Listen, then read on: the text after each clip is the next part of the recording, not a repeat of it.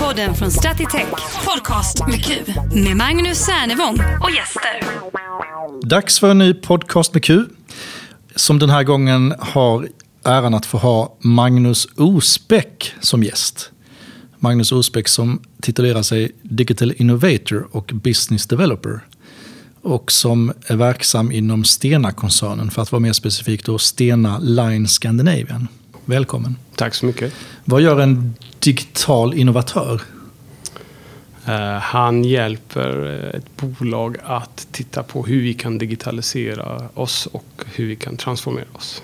Eh, vår vardag går ut på att titta på moderna teknologier, moderna affärsmodeller som, som kan gynna Stena i framtiden. Vi tittar också på hur vi kan om vi kan omdefiniera vår egen affär. Omdefiniera vad det innebär att resa. Omdefiniera vad det innebär att eh, flytta, eh, skicka frakt med våra båtar. Eh, ifrågasätta egentligen det vi gör och verifiera att det vi gör är rätt. Mm. och så vidare. Ni är ett litet team där vi ska komma tillbaka till lite grann hur ni är organiserade och vad ert uppdrag är. Stena då, för er som inte känner till det, annat än att ni kanske åkt med Stenas båtar då, det är ett bolag som grundades på 30-talet av Sten A. Olsson Därav Stena-förkortningen. Och eh, koncernchef idag är Dan Sten Olsson. Ja, jag tror han är koncernchef, ja, precis. Som har varit med här i någon koncernledande befattning sedan 70-80-talet någon ja. gång. Och eh, ni är ett stort bolag, närmare 6-7 tusen anställda. Ja, precis. Ja, 6 000, ja, hur, många, hur många resenärer hanterar ni årligen? 7 miljoner resenärer. 7 miljoner och 2 miljoner bilar någonting. Ja, två miljoner tror jag det var. Ja. Vi ska inte prata så mycket Stena idag, eh, men vi ska ju prata om din roll och vad ett bolag inom då transport respektive resebranschen ägnar sig åt. Eh, Stena har ju ett antal divisioner. Eh, shipping som är rena då, eh, transportfärjor för eh, lastbilar etc. Ni har offshore drilling eh, som sysslar med eh, jag höll på att säga, att borra i öknen och i hav och så vidare. Sen har ni ferryverksamheten som är då passagerarbåtar. Ni har property som är då Stena Fastigheter som man säkert har sett på skyltar på fasader runt om. Ni har en finance-division och new business. Ja. Tyckte mig se att new business var bland annat eh, annan typ av energi som vindkraft och ja. lite sån sustainability-delar. Vad är det för uppdrag du har fått inom Stena och vad var det som gjorde att du fick det jobbet? Jag, jag skulle själv vilja vara digital innovatör. Det låter som ett drömjobb. Det är ett drömjobb faktiskt. Ja. Det är ett drömjobb, verkligen. Jag är lite det, fast inte. Vad sa du? Jag är lite digital innovatör också. Jag, inte, jag har det inte på mitt visitkort. Jag förstår. Det är alla, alla som jobbar i den här branschen är lite digitala innovatörer. Titeln digital innovatör är ju intressant för eh, att kombinera ihop redan befintliga system till en affärsmodell. Är det innovation eller är det produktutveckling? Jag vet inte. Det eh, att innovera helt nya system, det gör vi väldigt sällan. Vad har du för bakgrund? Eh, jag har halva mitt liv jobbat inom marknad, det vill säga reklambyrå, i åtta år ungefär. Eh, efter det så eh, drömde jag om att få tillverka en egen produkt, alltså inte jobba med produktutveckling åt andra. Andras produkter. Jag vill ha en egen produkt, äga en egen produkt. Mm. och och göra någonting. Så då åkte jag, sålde min byrå, flyttade till Göteborg. Jag bodde då i Kristianstad faktiskt. Mm. Och startade ett bolag som heter Healthy Heroes. Som var ett spel eh, där vi ville nyttja motivatorerna i spel och rikta det mot fysisk träning och motion. Mm. Mm. Egentligen om du kombinerar konceptet att bygga en karaktär i World of Warcraft genom många timmar framför datorn. Mm. Då ville vi ha samma koncept men vill byta ut många timmar framför datorn så att istället ha många timmar på gymmet. Eller... Lite Pokémon Go? Lite så. Mm. Finns spelet på App Store? Nej, det finns inte på App Store. Och det här var en resa som vi började 2007. Det var ganska tidiga. Det var samma år som mm. Apple släppte sin eh, telefon, sin nya iPhone. Mm. Eh, och vi såg att här kan vi jobba med ett, eh, i en, en handhållen device med GPS eh, och eh, tillverka det spelet. Då. Vi, Hur länge har du varit på Stena? Ett halvår.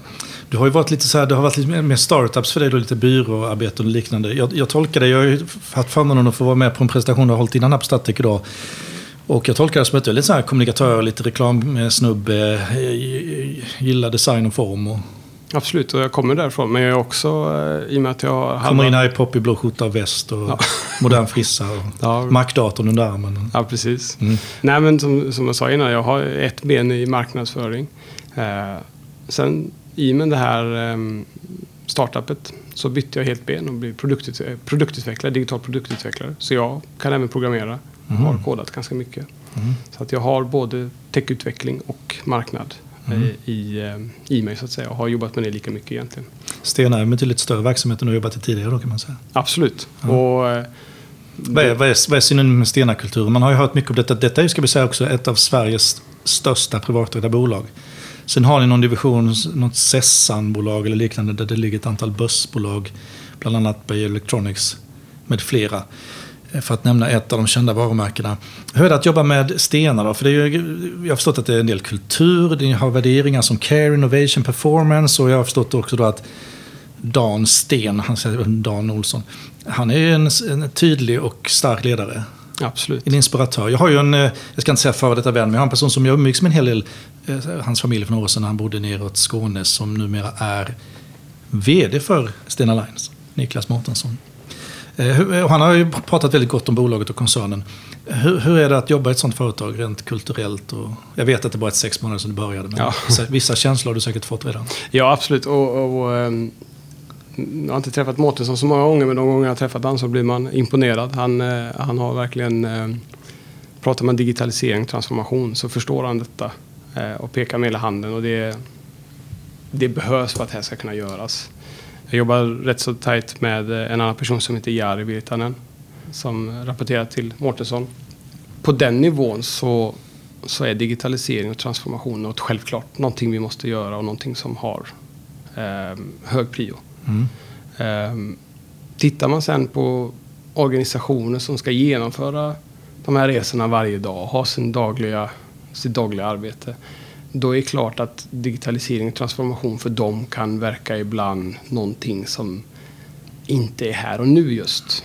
Man ser det som någonting som, ja men det är ett framtidsproblem. Nu eller, pratar du om era medarbetare, era divisioner, Ja. alltså in, inställningen och mognaden de här frågorna. Ja men precis. Var precis. kom initiativet ifrån att man tillsätter en person som dig och börjar driva detta? Hur, hur skulle du säga, hur ser den digitala muskeln ut i den här typen av verksamhet eller i er koncern? Alla lever vi ju i en slags tid av digital transformation, vi har kommit olika långt.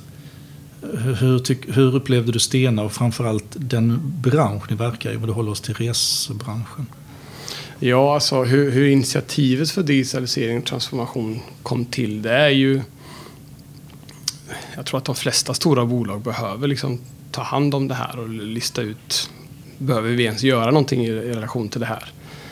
Eh, och... där Men går- är det aktivitetsstyrt då? Sitter det någon på koncernledningen som säger så här jag har varit på konferenser, jag har läst böcker, jag träffar på kollegor i branschen, styrelseakademi etc. Och vi måste göra någonting med det digitala. Eller är det så att man faktiskt också styr det mot ett resultat? Att man ska öka antalet resenärer eller att man ska för, för, öka kundnöjdheten? Man har väl masserat de här ordet i digitalisering och transformation ganska länge och listat ut vad det innebär och så. De tydligaste mål som man vill uppnå med digitalisering och transformation det är ju automation. Att kunna automatisera, automatisera vår verksamhet. Eh, vi har väldigt många analoga processer som vi kan automatisera med hjälp av artificiell intelligens och robotics och så vidare. Just automatisering och differentiering är väl de två sakerna som man siktar på först. Så huvudsponsorn för ditt uppdrag, då, då, det är Dan själv eller den här andra Jari? Det finns ju ett par spelare i det här. Eh, Självklart Dan, han har koll på det här och pratar mycket om det här och är väldigt lyhörd för vad vi gör och intresserad av vad vi gör. GM och ledning, styrelse, Mårtensson och Jari Mm. Upplever jag att alla pratar samma tydliga språk att det är det här som gäller och det här vi ska göra. De visar ganska tydligt med både ekonomi och resurser att man faktiskt vill ta reda på vad, vad, kan vi, vad kan vi digitalisera, hur kan vi transformera oss, behöver vi transformera oss, vad betyder detta? Ehm, Jag skulle säga att branschen är relativt eftersatt. I När relation, det, gäller, när det gäller automatisering eller Absolut. artificiell intelligens eller Ja, berika resandet med mer än bara att jag flyttar min kropp. Liksom. Ja, absolut. Och sen, sen eh, är vi eftersatta om vi inte har fullt automatiserat bolag. Det, det tror jag inte. Det, det är hyfsat nytt ändå. eh, att, att eh, använda artificiell intelligens till att automatisera processer om inte vår affär är på en webbsida så att säga. Jag skulle säga att ligger, ligger ganska långt fram i tanken om vad vi vill göra och vissa projekt är vi ganska långt fram. Sen så den, den breda digitaliseringen har nog eh, ibland gått lite långsamt på Stena Line. Men det är sånt som vi liksom jobbar för nu och, och ser till att städa upp egentligen. Mm. Eh, bland annat därför vi hos er idag. Mm. Vi tittar på ett PIM-system som egentligen vi bör ha och ha, skulle ha haft för länge sedan egentligen. Ni har haft en workshop eller något arbetsmöte gällande produktinformationshantering. Ja, ja. Men, men man kan inte vara bäst på alla sporter. Liksom. Vi, behöver, vi behöver städa upp i vissa fall och liksom normalisera vår digitalisering. Och i vissa fall är vi ganska långt fram. När du, du, du pratar gärna om AI Ja. i ditt uppdrag. Eh, och du pratar mycket kundcentrering också. Ja. Även om det är är ett vanligare sätt att uttrycka sig på. När du säger AI, då börjar man plötsligt se fram sig att man pratar med Siri-liknande funktioner och man får liksom någon form av motpart som är en maskin som eh, servar en etc. Vad, vad, vad är AI för stenar då? Eller vad, vad ska syftet med det vara? AI kan naturligtvis vara i form av en chattbot eller de här gimmickarna som vi ofta ser. Men det kan lika väl vara eh, ett system som går igenom tusentals sidor dokument för att eh, koka ner ett referat till, till en, eh, en, en jurist. En jurist har läst åtskilliga eh, avtal i sitt liv och det är inte de enda de letar efter det är avarter till exempel eller saker som inte hör hemma i, i ett avtal. Då kan man låta ett AI lista ut vilka de här avarterna är. Och det är inte bara det som är intressant. Då kan man spara ganska mycket tid. Så det är ett sätt att applicera AI på.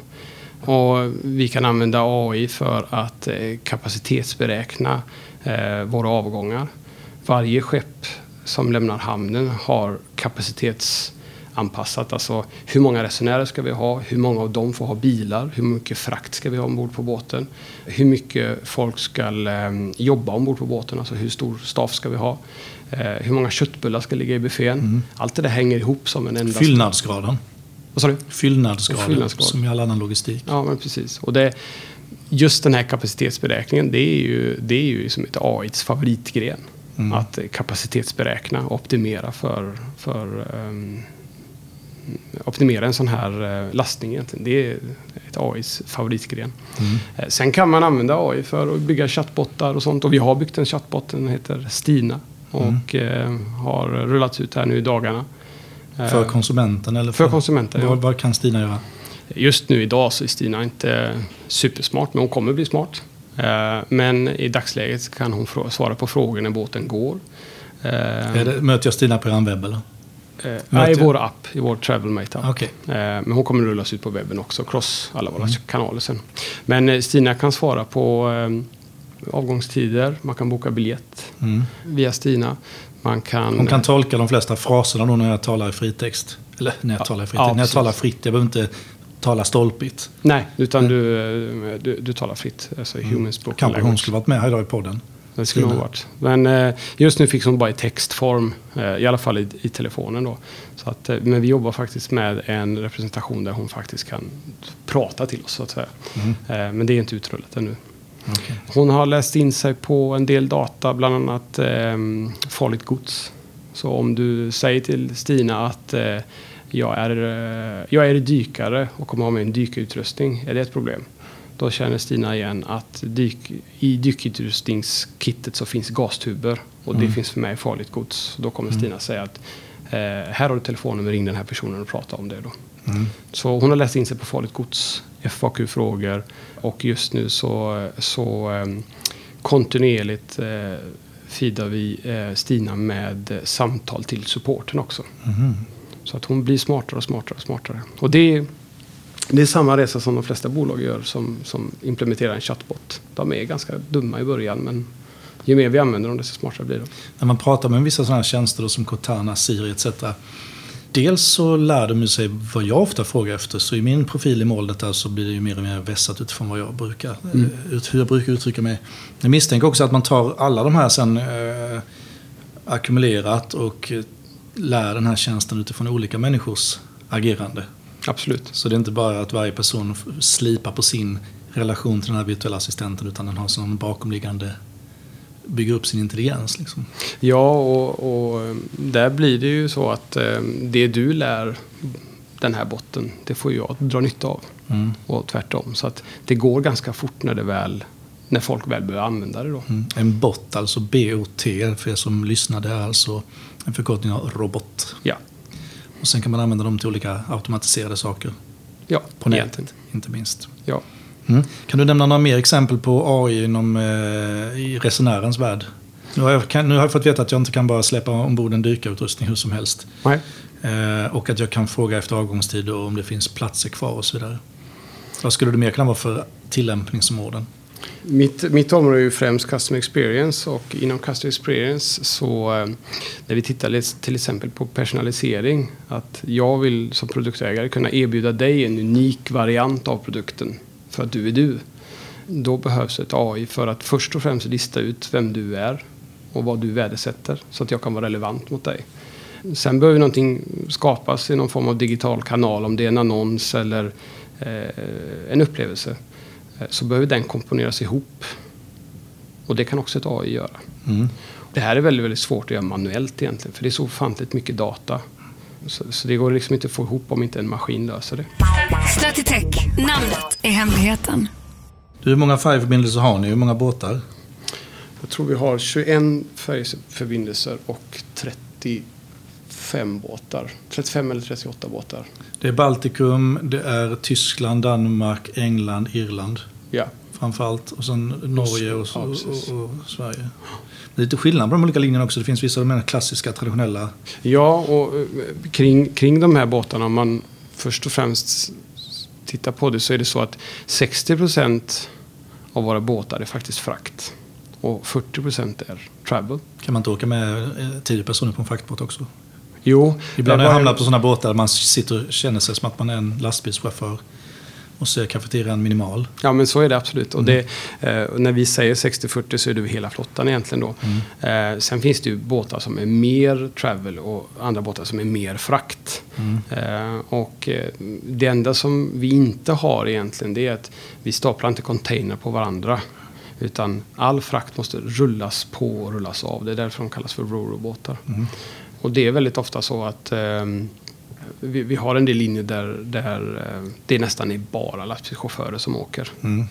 Och det du pratade om eh, innan här är att båtarna skiljer sig ganska mycket. Vi har ju båtar mellan till exempel Göteborg och Fredrikshamn som är en eh, travelbåt. Alltså det, det är kul att åka över till Danmark. Går de medvetet sakta för att man ska shoppa så mycket som möjligt och hinna dansa alla danser på diskot?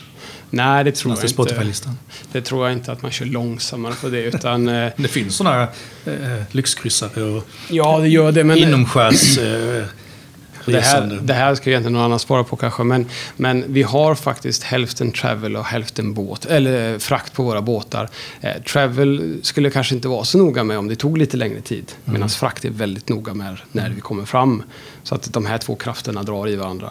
Eh, jag tror att den, den går så fort så att det är miljö, miljövänligt nog att åka över egentligen. Eh, och inte kostar för mycket. Hur, vad, vad är trenden inom resande? Eh, Är det fler som reser med båt eller är det färre? Vi vet ju att broar och tunnlar eh, har haft sin påverkan Absolut. såklart på resandet. Vi vet också att man idag kan mötas digitalt, online. Ja. Och det har funnits funnits olika hot i omvärlden som gör att folk väljer att resa mer eller mindre i olika perioder. Vad är trenden när det gäller att resa med båt? Det är en ganska bra fråga. Eh, Trender kring, eh, är det kul att åka båt? Är det kul att åka tåg? Eller är det kul på att åka mycket det flyg? blåser om man ska åka båt. Ja, men lite så. Jag måste, jag måste berätta då där. Eh, eh, Vi nämnde Mårten som vid namn innan, vi ska inte fylla på det med honom. Men, men när han var ansvarig för linjen Karlskrona-Gdynia så bjöd han med mig på en resa med Stena Vision som skulle ha sin jungfrufärd när den var superrenoverad och superfräsch. Det tar till att åka till Gdynia, det tar väl en 12-13 timmar tror jag. För man brukar väl räkna med 22 timmar fram och tillbaka och sen ligger man i kaj kanske två timmar. När jag kom till Karlskrona så, så låg flaggstängerna ner och det regnade från sidan. Och vi klev ombord på båten, kände mig helt omotiverad. Jag kan säga det att när Niklas inledningstalade och vi andra sen, senare på kvällen rörde oss på dansgolvet så kunde man stå stilla. Man behövde inte göra några moves. Man flög ändå fram och tillbaka mellan de här mässingstängerna runt omkring. Och då fick jag höra att det blåste hela den natten 25-26 meter per sekund. Vilket utifrån min erfarenhet från att vara på havet är väldigt gungigt. Och jag hörde till och med att hade det blåst ytterligare två meter per sekund så hade inte man valt att köra ut. Så att, eh, det är en intressant erfarenhet. Ja, På vilket sätt? Åker man en sån linje då är ju själva båtåkandet själva grejen. För man går ju oftast inte ens i land. Men det du jobbar med, hur, hur, hur kan du skapa då en upplevelse som gör att resandet, själva transporten i resandet, i det här fallet på en båt, kan bli en del av resan. Så att det inte bara hägrar min slutdestination och nu ska jag börja leva. Du har ju också nämnt för mig det här att ni vill ju, även om det är några, här, visst, ni sticker inte under stol med att ni vill att folk ska öppna plånboken ytterligare på er, i era sammanhang. nej, självklart. självklart. Ehm, Hur kan båtupplevelsen bli en del av slutmålet? Ja, alltså, det är en jätteintressant fråga och den, den pratar vi ganska mycket om. Ehm, det finns ju faktiskt båtar där reason for travel är att faktiskt åka bara båten. Det är cruisingföretag, att du är ute på en båt i två veckor och åker runt i världen eh, och har allting serveras på båten.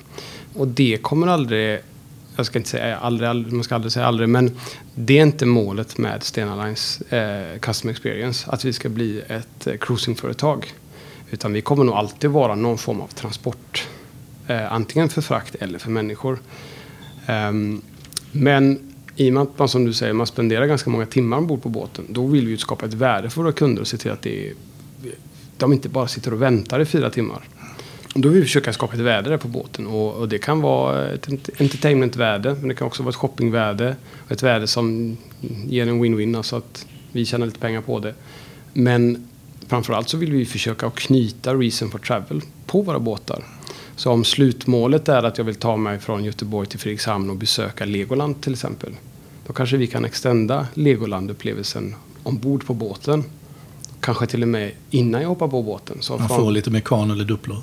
Ja, eller eh, sätter mig i det temat eller i den, i den kontexten. Så att så fort jag har beställt min Legoland-biljett, då får barnen uppleva vad det innebär att vara åka till Legoland med Stena Line. Det händer någonting från det att jag köper, första dagen jag köper biljetten. Vad då är det någon AR-upplevelse, augmented reality då? Eller är det någon slags app eller spel man kan köra då på båten? Eller är det snarare att väggarna byter skepnad och Ja, människor kommer ut i olika kostymer? Ja, jag tycker inte något av det jag har sagt eh, rimmar illa direkt. Utan eh, vi har tittat en del på AR. Vi, eh, eh, vi tror ganska mycket på att eh, experience är det som kommer, eller det som kommer bli viktigt i framtiden. Eh, upplevelse är en central del för framtiden. I, I samband med det så har vi faktiskt tittat på en del AR-upplevelser. Um, Apple releasade sitt eh, AR-kit här ganska nyligen. Mm. Vi var rätt snabba på att plocka upp och titta på det och göra en Det är pop snart på det. keynote-session nästa vecka eller om det är nästnästa. Ja, så kommer alla människor bära runt med i nästa iOS-version. Kommer alla bära runt med den funktionaliteten. Ja. Där man kan eh, virtuellt hänga upp ett eh, flygplan i vardagsrummet eller placera ut en soffa i tv-rummet och röra sig runt den som om den faktiskt fysiskt stod där. Mm. Och när det Absolut. blir i var mans ficka då kommer ju möjligheterna bli enorma. Ja, vilka absolut. tillämpningar kan skapas. Absolut, och det, det kan jag faktiskt tipsa om en bok som heter The Fourth Transformation. Jag kommer inte ihåg vem som har skrivit den, men den tar upp bra perspektiv på eh, hur AI och eh, experience, eller AR och VR, kan, kommer förändra oss Mm. de närmaste åren. Hur våra barn, vad är commodity för dem? Den typen av litteratur försöker vi eh, läsa på ganska mycket och en del i den rollen vi har. Och digitaliseringen då som en motor här då, hur kommer den... Vad kommer det innebära då för resenären att ni ökar graden av digitalisering eh, eller tillför sådana här typer av upplevelser? Jag menar, krasst är det ju så, det var säkert inte med er båt jag åkte, men jag åkte ju mellan Sverige och Tyskland någon gång och så försökte jag koppla upp mig via nätet. Och då fick jag ju en sån fet räkning på eh, typ 1500 spänn för att jag var uppkopplad i tre minuter. Så vår administratör kom och pekade med fingret till mig att du får inte ringa via satellit. Nej, och det där är... Bara det Magnus, man kan inte ens koppla upp sig på internet när man sitter på en färja. Nej, och Och det- internationellt vatten och allt vad det är. Precis, och det är väl, det är väl om man jobbar som digital innovatör och man säger fast vi har inte internet så blir Nej. det lite jobbigt. Men eh, vi tittar på lösningar på det också och hoppas naturligtvis väldigt mycket på, på andra bolag, storbolags initiativ som Google och Facebook och så vidare. Eh, det finns ju ändå initiativ där ute att man vill täcka hela globen med internet Mm. på något sätt. Eh, Men naturligtvis, vi tittar på många olika lösningar. Vi har satelliter idag, men vi tittar även på ny teknologi som, som kan lösa detta. Det är inte jätteenkelt att lösa detta. Nej, men ni får väl sätta upp egna streamingservrar på båtarna som ni tankar i hamnen. Och som, som kan göra att man kan eh, se film på, oavsett device på båten Precis. från eran datakälla. Precis, man får, man får eh, hitta proxylösningar och, och vara lite finurlig där. Och det, Mm. vi har en del sådana lösningar och vi tittar på sånt eh, kontinuerligt. Mm. Och, ehm, eh, men ja, internet mitt på havet är ett problem. Dessutom är det som du säger, det är interna- internationellt vatten så vi är, vi är liksom inte EU, på EU-taxa. Utan Mm, vi är... Så vi- inte ens man hittade en generisk prismodell för även att kommunicera via satellit så hade det inte varit så enkelt utifrån den aspekten. Nej, utan vi är lite i händerna där på de som levererar, eh, levererar eh, eh, kommunikationen helt enkelt. Mm. Telia eller, eller vad det är då. Mm. Ehm, Men som sagt, vi, tittar på lösningar och tekniken har kommit eh, ganska långt i det här. Och det går att bouncea signaler mellan olika enheter och ibland även till och med mellan olika båtar. Mm. Att man kan bygga upp Men flyget klarade borde väl ni klarade, men det kanske är ändå på något sätt en annan komplexitet som gör att det blir... De är närmare satelliterna. kanske, det kanske är så. och vi, vi, Lufttankar med satelliten. vi har folk på Stena som är väldigt duktiga på det där och tittar på det just nu. Följ Citych på Facebook, Instagram, LinkedIn eller Twitter. Jag är nyfiken, jag vill veta mer om vad, vad den digitala upplevelsen kommer vara i den kundcentrerade Stena-verksamheten. Stena har, har, har under eh, ganska lång tid här fokuserat ganska mycket på att effektivisera båt, eh, att köra båten från ett plats till en annan plats. Eh, och naturligtvis har man kunden i fokus men, men inte på riktigt. Och dessutom så har man inte digitaliserat sig så man har inte riktigt möjlighet att man har inte så många eh, touchpoints egentligen mot kund utan det är restaurang i shoppen eh, när man köper biljett. Däremellan så, så har vi liksom inte haft någon app riktigt. Vi har inte haft några digitala kanaler där vi kontinuerligt kan jobba med våra kunder. Så kunden möter er först när de går in på en resesajt eller går in på Stenas egen webb Ja, och bokar en resa. ja precis. Och sen är interaktionen på båten i form av mm, restaurang, shopping, enarmade banditer. Ja, men lite, lite så. Och, och det vi ser framöver här, det är att ehm, vi vill skapa värde för kunden så fort kunden har köpt en biljett. Mm. Då ska den känna att den är i, eh, i en Stena-värld som levererar värde. Vad, kan det vara mer, vad kan det vara då mellan själva bokningstillfället och att jag stiger ombord på båten? Dels vill du kunna planera din resa. Du vill kunna... um, man pratar mycket om absolut crossel men egentligen handlar det om att modifiera sin resa. Eh, sin resa. Du frågade innan här om vad är, vad är liksom det hetaste inom resebranschen och det är ju någonting de kallar för dynamic traveling och det är segmentet som tycker om att åka på färdigplanerad charter.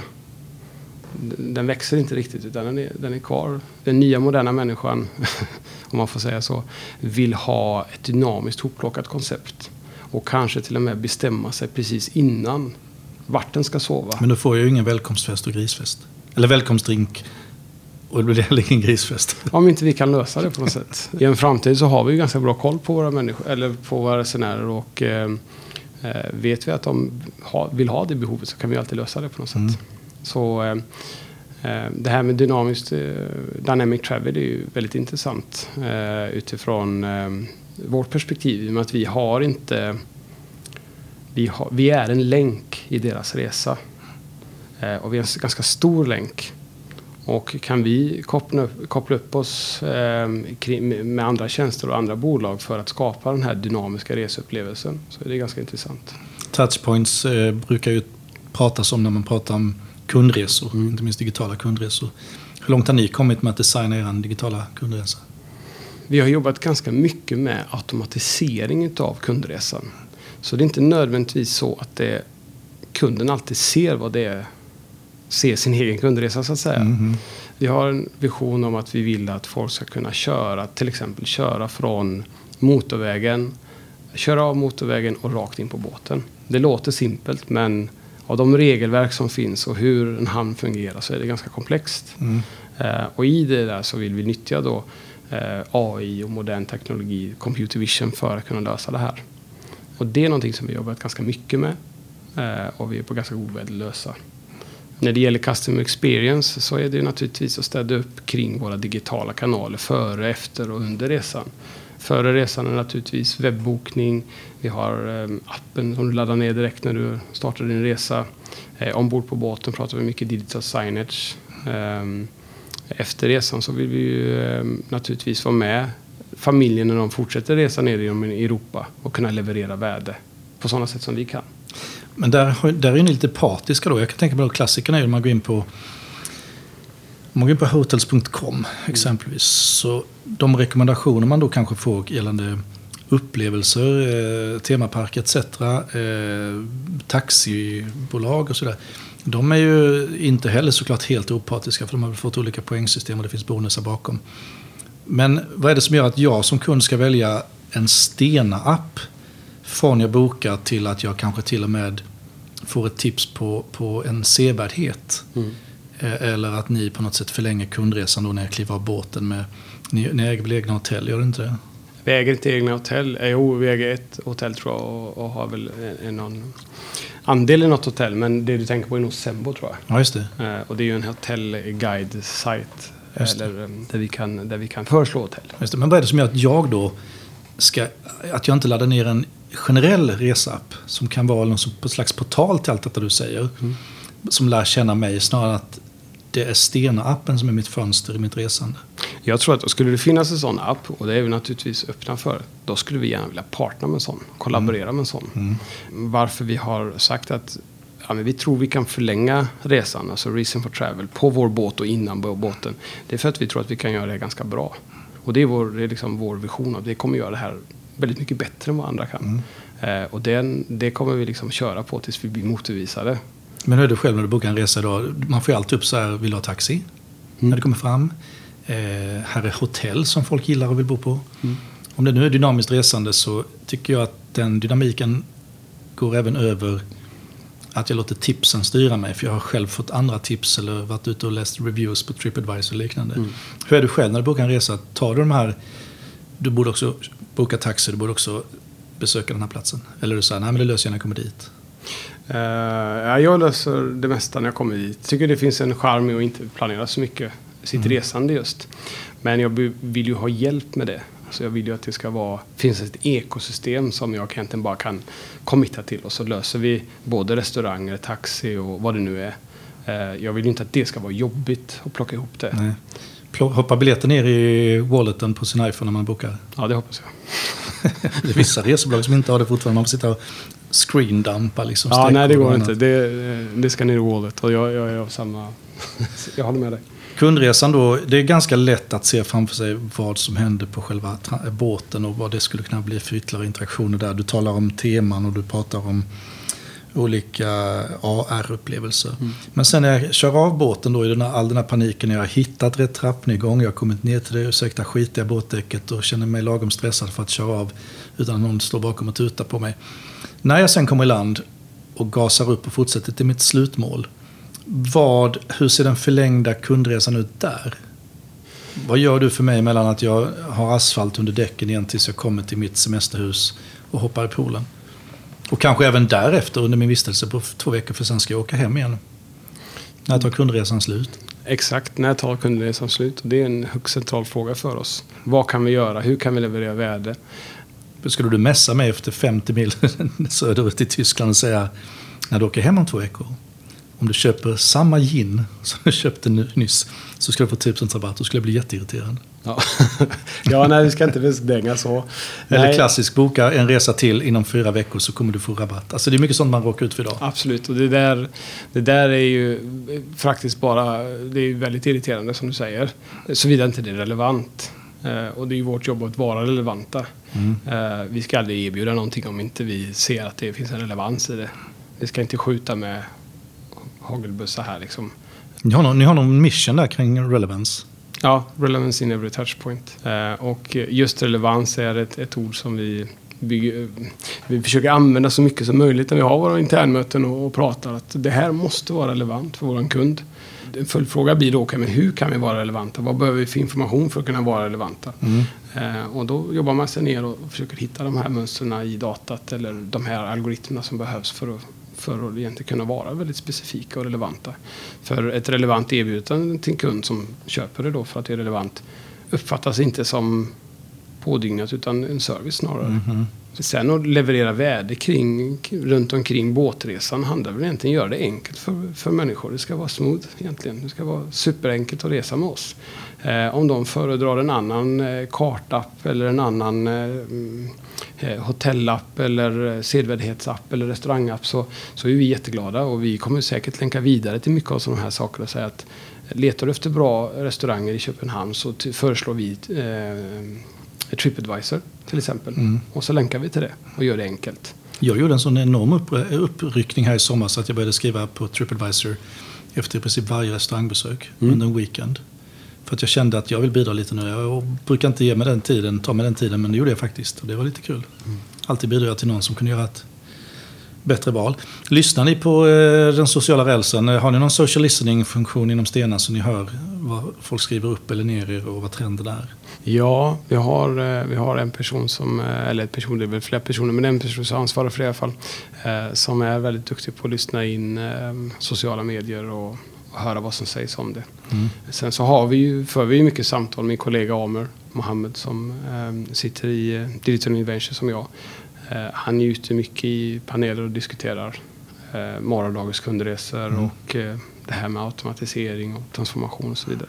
Så att vi lyssnar ju av mycket eh, vad som händer i världen. Vi reser ganska mycket och lyssnar Mm. av. Försöker väl lyssna på de bolag som har kommit längst i det här. Mm. Så vi försöker att gräva ner vår jante lite grann och verkligen titta åt Silicon Valleys håll för Mm. att se vad gör de där och hur kan vi dra nytta av detta. Vad, ser, vad ser du något som attraherar dig då, som kan influera? Hela den här automatiseringsdelen är naturligtvis jätteintressant. Eh, Eh, det finns även andra koncept som vi tittar rätt mycket på hur, det, hur saker och ting sker, eh, fungerar på webben idag, hur en webbshop fungerar och eh, försöka omsätta det till våra fysiska shoppar. Det är ganska intressant och man kan hitta mycket sätt att jobba det. Eh, sen när vi pratar om vad som influerar oss. Vi, vi kommer, jag kommer ju från en startupkultur där vi liksom är uppfostrade med att MVP oss fram egentligen. Alltså att bevisa våra hypoteser så fort och så kostnadseffektivt som möjligt. Eh, istället för att ha eh, långa möten och stora avtal kring en hypotes, obevisad hypotes, så försöker vi hitta sätt att, att eh, bevisa det fort som möjligt. Mm. Det jobbar vi efter ganska mycket och vi försöker även smitta av oss på övrig organisation kring detta. Mm. Och det, vi lyckas hyfsat bra med det. Hur kan ni då eh, på något form av positivt sätt kartlägga mitt beteende under själva resan? Det finns ju de som vill vila, det finns de som vill se på film, det finns de som ska på affärsmötet och är mitt i sin powerpoint-presentations förberedelser. Hur, hur kan ni liksom lära känna mig då? Eh, dels har jag ju en profil när jag bokar som säkert jag har talat om varför jag reser etc. Men sen händer ju saker på själva resan också där jag har olika behov. Ja, vi, vi, försöker ju, försöker ju... När vi säger att vi försöker tracka någons beteende så är det liksom inte av ondo utan det är för att vi vill försöka hitta, hitta ett sätt att skapa värde för dig.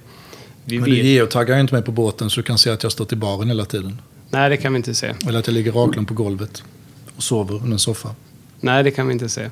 Eh, och det kanske vi inte borde se heller. Utan, eh, men däremot så, så försöker vi skapa oss en bild av vad du tycker om. Och försöker kunna erbjuda det. Jag menar, du, du kommer resa med vår båt kanske i fyra timmar. Du har gjort ditt shoppande, du har sett din utsikt och nu sitter du egentligen bara och väntar på att få komma fram. Mm. Om vi kan leverera ett värde där. Eh, det behöver inte vara att du betalar för det värdet utan vi vill bara skapa någon form av värde så att du tycker att den här resan var intressant. Det är ett värde för oss i sig. I form av differentiering egentligen. Jag har ganska bred eh, personas palett. Från eh, lilla spädbarnet till hunden till affärsresenären och så vidare. Så ganska många ni ska attrahera. Det är väldigt många vi ska attrahera och vi, vi, vi spänner även över just travel och frakt dessutom. Eh, så att vi har ju seniorer, barnfamiljer, unga människor, folk som vill ta en ehm, weekend med båten.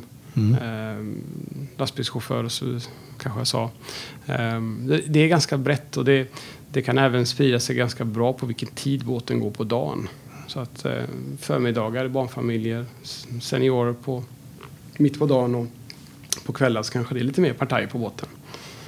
Ehm, Men som sagt, det är lite olika beroende på vilken båt det är också. Mm. Ehm, Nu pratar vi ganska mycket Göteborgsbåten men tittar man på över Irländska sjön och så vidare så, så är det mer utav en, en transportresa likt åk mellan Göteborg och Stockholm med SJ till exempel. Jag ska bara ta mig till andra sidan. Mm.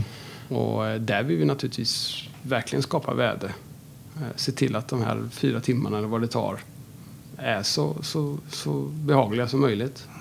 Eh, vill du vila så ska vi försöka lösa det.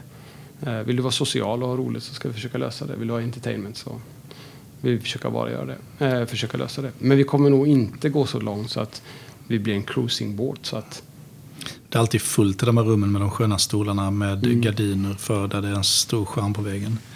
För att folk eh, sätter sig där där man ska titta på film och så sover de. Mm. För att det är tyst och lugnt. absolut. Och det, Så ni, ni måste sätta upp en streamingtjänst proxymässigt för att man ska kunna välja vad man vill och sitta och titta på de här grejerna. Ja, men det är verkligen så. Sen, sen det, finns mycket, det finns mycket befintliga problem med, med de båtar vi har idag. Man, man jobbar ganska hårt på att liksom rätta till så mycket som möjligt och, och hotta upp de här båtarna egentligen.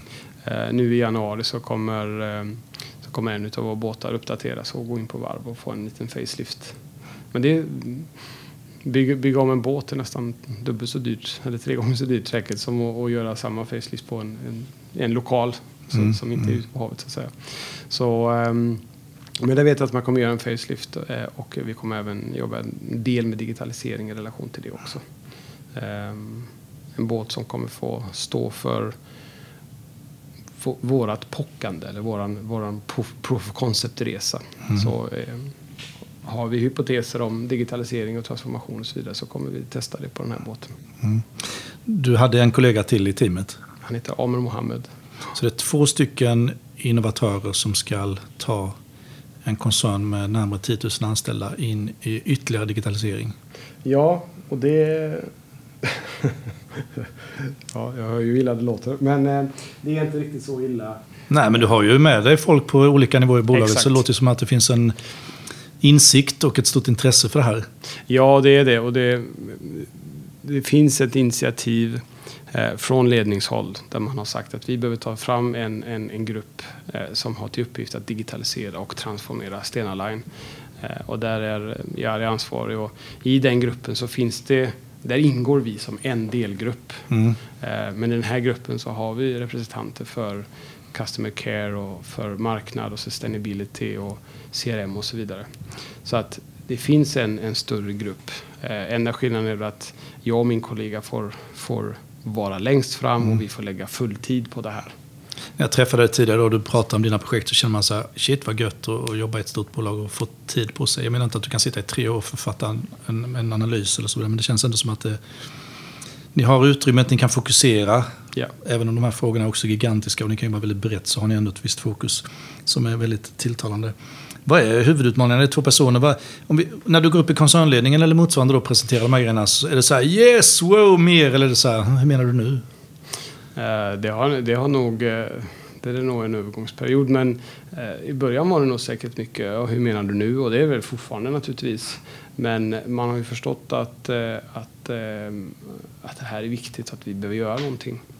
Och det pågår ju liksom kontinuerligt ett arbete om, eh, med att få alla till att förstå vad det här innebär, även oss själva. Det finns inte ett rätt svar för vad digitalisering och transformation är, utan det handlar om att testa, lära och få reda på vad det faktiskt innebär för oss. Men vad är den huvudsakliga utmaningen då för dig i din roll i det här sammanhanget? Det kan ju säkert appliceras på alla stora bolag där folk har samma uppdrag. Liksom. Eller att övertyga och värva folk och frälsa eller där snarare att kunna ta med sig hela den legacyn man har med system och processer? Och, Ja, det är nog där, där någonstans.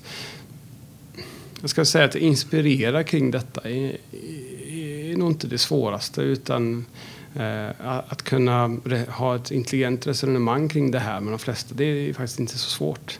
Tekniken är inte heller en jätteutmaning. Det finns, vi har duktigt folk runt omkring oss som kan, kan det mesta. Ehm, eh, så att jag skulle säga att organisationen är det största hindret för att få digitalisering och transformation på plats snabbt. Det är organisationen själv egentligen. Hur kommer jag märka på den här eh, gravallvarliga gubben som vinkar ombord min bil och markerar hur nära jag får köra framförvarande bil? Hur kommer jag märka att den är mer koncentrerad? Tack vare di digital transformation dessutom. Jo, Det är också en del av kundresan. Ja, men det är det. Och, och det är faktiskt bra att du lyfter det. För en del av transformationsdelen framför allt. Vi behöver ju liksom omdefiniera vad det innebär att, ha, att, att eh, driva färje eller eh, rederi. En del av den här digitaliseringen handlar faktiskt om att synliggöra för den här personen som står och vinkar bildäcket vem vår kund är, varför vi gör det här, vad den personens roll har och så vidare. Jag har en sån underbar story jag hörde, jag kommer inte riktigt ihåg alla detaljer. Jag tror att det var Barack Obama som var och besökte eh, NASA tror jag. Mm. Och så stod det en, en person där och, och svabbade golvet och så gick han fram till honom och frågade Jaha, och vad gör du här då? Och då svarade han att ja, jag skickar raketer till månen. Mm. Han hade förstått sin roll Mm. i organisationen.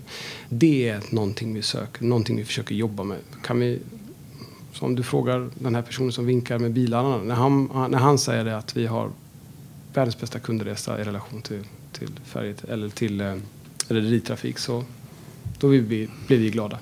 När jag var barn så åkte min familj till Bornholm med husvagn. Och då fanns det båtar där man hissade ner ett ytterligare bildäck ovanför. När, när däck 1 hade fyllts på så hissade man ner så det låg ganska kloss mot underliggande bilar. Så skulle man fylla på fler lager. Och det här kanske säger mer om min far än det säger om eh, trafik, eh, båttrafiken. Men då vink, upplevde han att de vinkade fram hans bil med husvagn. Vilket Okej. gjorde att han körde och skrapade av hela husvagnsstakets antenner, ventilationsluckor och annat. Eh, så den såg ut som en sardinburk som var uppfläkt efter vi hade kommit till land. Det var lite spännande upplevelse. Ja, så det gäller att vinka vid rätt tillfälle. Ja, verkligen. Du, ni delar in era kunder också i ett antal kategorier. Vi pratade om att det är en ganska bred, eh, brett spektra med kunder. Då. Eh, ni, ni har någon indelning också? Är man guldresenär eller är man silver? Jaha, eh, vårt lojalitetsprogram ja. Mm. Ja, vi har ju ett lojalitetsprogram eh, där vi eh, delar in och det jag tror att man delar in eh, baserat på mängd resor man har gjort och så vidare. Och får erbjudande i relation till det. Jag tror det är ett ganska klassiskt lojalitetsprogram. Mm. Det kommer vi också se över naturligtvis. Jag var med på ett Skype-möte med er marknadsavdelning för några månader sedan där ni pratade just om det här med att personalisera er outbound marketing. Det vill säga när det gick ut kampanjutskick etc. så skulle ju såklart det vara relevant för mig med relevanta bilder och relevanta erbjudanden och så vidare. Det låter väldigt trivialt i det här sammanhanget men det, det var en hel del komplexa frågor som behöver redas ut där och hur man ska... Ja, och det, återigen där om vi pratar om digitalisering. Om man förutsätter man att ett bolag är neutraliserat i relation till digitalisering. Alltså att man är så långt fram som man kan komma och allt vi gör nu är mot framtiden. Det, så är det inte på Stena utan och jag tror inte det är så i andra bolag heller. Utan man har en viss digitaliseringsskuld på vissa områden. Eh, och på vissa områden ligger man lite längre fram. Mm. Eh, det här är en CRM-fråga där, där man vill kunna personalisera utskick och så vidare. Mm. Eh, och ehm, jag tror att vi har idag ganska bra förutsättningar att göra det där. Vad det är just i det här caset som gör att vi inte kan göra det kan jag faktiskt inte svara på. Men, eh, men eh, vi jobbar just nu med både CRM och omnichannel ganska febrilt. Ja, ja, men ni var gott på det då. Det var ju bara att det fanns ett antal eh, utmaningar rent tekniskt som har sett upp lösningen. Men det är Ja, tur att har passerat. Jag tänkte på det här med, eh, vad har du för tips till, till, till de som är i samma roller som dig på företaget utifrån det du lär dig nu och det du har lärt dig? Alltså. Det, är kanske, det finns ju dels bolag som inte har de här dedikerade rollerna som du har och kanske nyligen har tillsatt dem. Och, vad är liksom rekommendationen? Jag tror att man behöver, man behöver faktiskt ha ledning och, eh, och eh, GM och så här behöver vara med på tåget fullt ut. Mm. De behöver på riktigt inte bara säga att det här är viktigt utan faktiskt visa att det här är viktigt.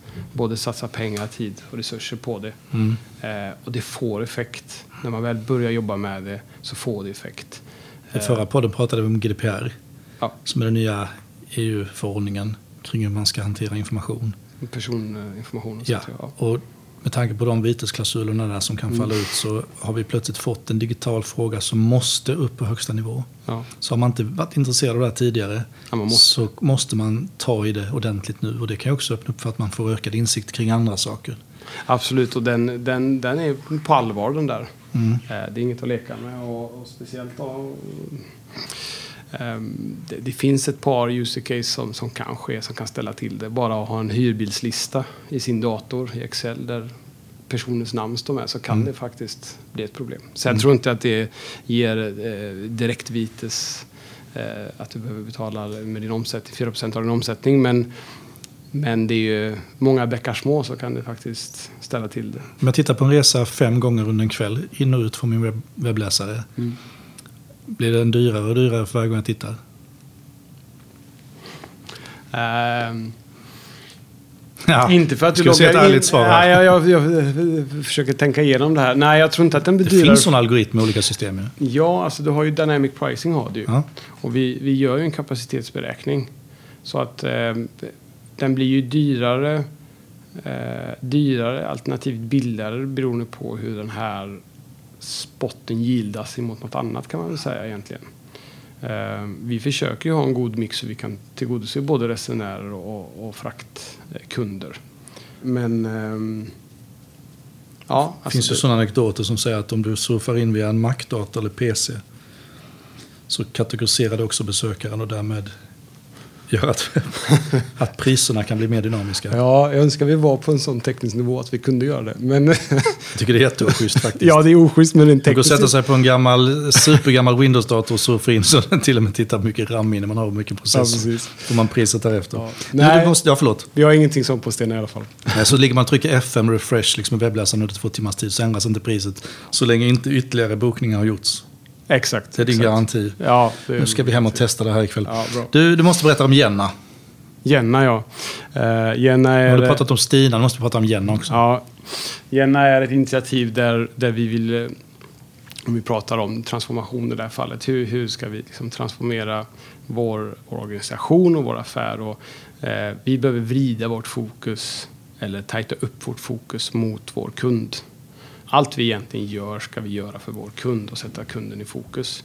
Jenna är en, en, en, ett projekt där vi vill egentligen understryka detta för internt. Att det är kunden vi jobbar för. Och det är för kunden vi ska leverera ett värde. Och det är jätteviktigt för oss eh, för framtiden. Tittar man på, på en fråga om vilken viktig, vilka viktigaste assets vi har så, så kan förr i tiden så kan man ha svarat att det är våra båtar och transporten. Men ehm, vi ser ju att det snarare är våra kunder och datat om våra kunder och hur vi kan använda datat i relation till våra kunder för att erbjuda värden egentligen. Nu säger jag inte att vi inte kommer fortsätta köra båt, men skulle det vara så någon gång att vi inte kan köra båt eller det finns tillfällen då vi vill erbjuda värden för våra kunder utanför vår båt så ska vi kunna göra det. Så datat, datat om våra kunder är, är viktigare än själva investeringen i båten. Ja, Eller att äga båten. det viktiga är att kunna leverera relevant värde och det kan vi, vara, det kan vi göra väldigt precis om vi har mycket data. Mm. Men vi som eh, resenärer kommer inte stöta på Jenna. Direkt. Förhoppningsvis kommer ni uppleva att, att Jenna har fått effekt i organisationen och våra produkter. Ehm, Jag vill ju att våra kunder ska säga att oh, vad ni har blivit mer mer kundcentri- kundcentriska. Just det. Du har till och med en logotyp för Jenna. Det är en eh, cyberkvinna. En superkvinna, eller det är, en, det är faktiskt en förlängning på en film som, som eh, beskriver eh, hur, hur, vi, eh, eh, hur vi samlar data kring Jenna och hur vi jobbar med, med Jenna egentligen. Så att eh, den här cyberkvinnan är snarare en, en representation av en, en dataström som Jenna har producerat.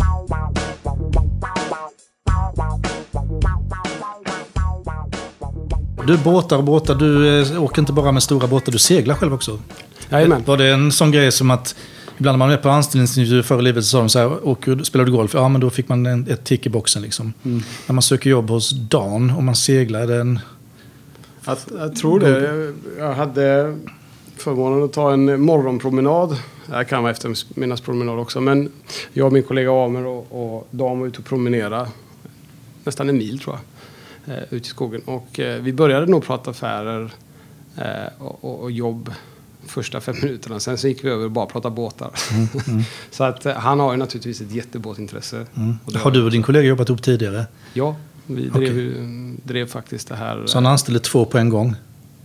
Dan? Mm. Ja, nej. Först, anst- först anställde han faktiskt eh, Amer Mm. eh, för ett och ett halvt år sedan. Då drog han igång det här Pluto-projektet.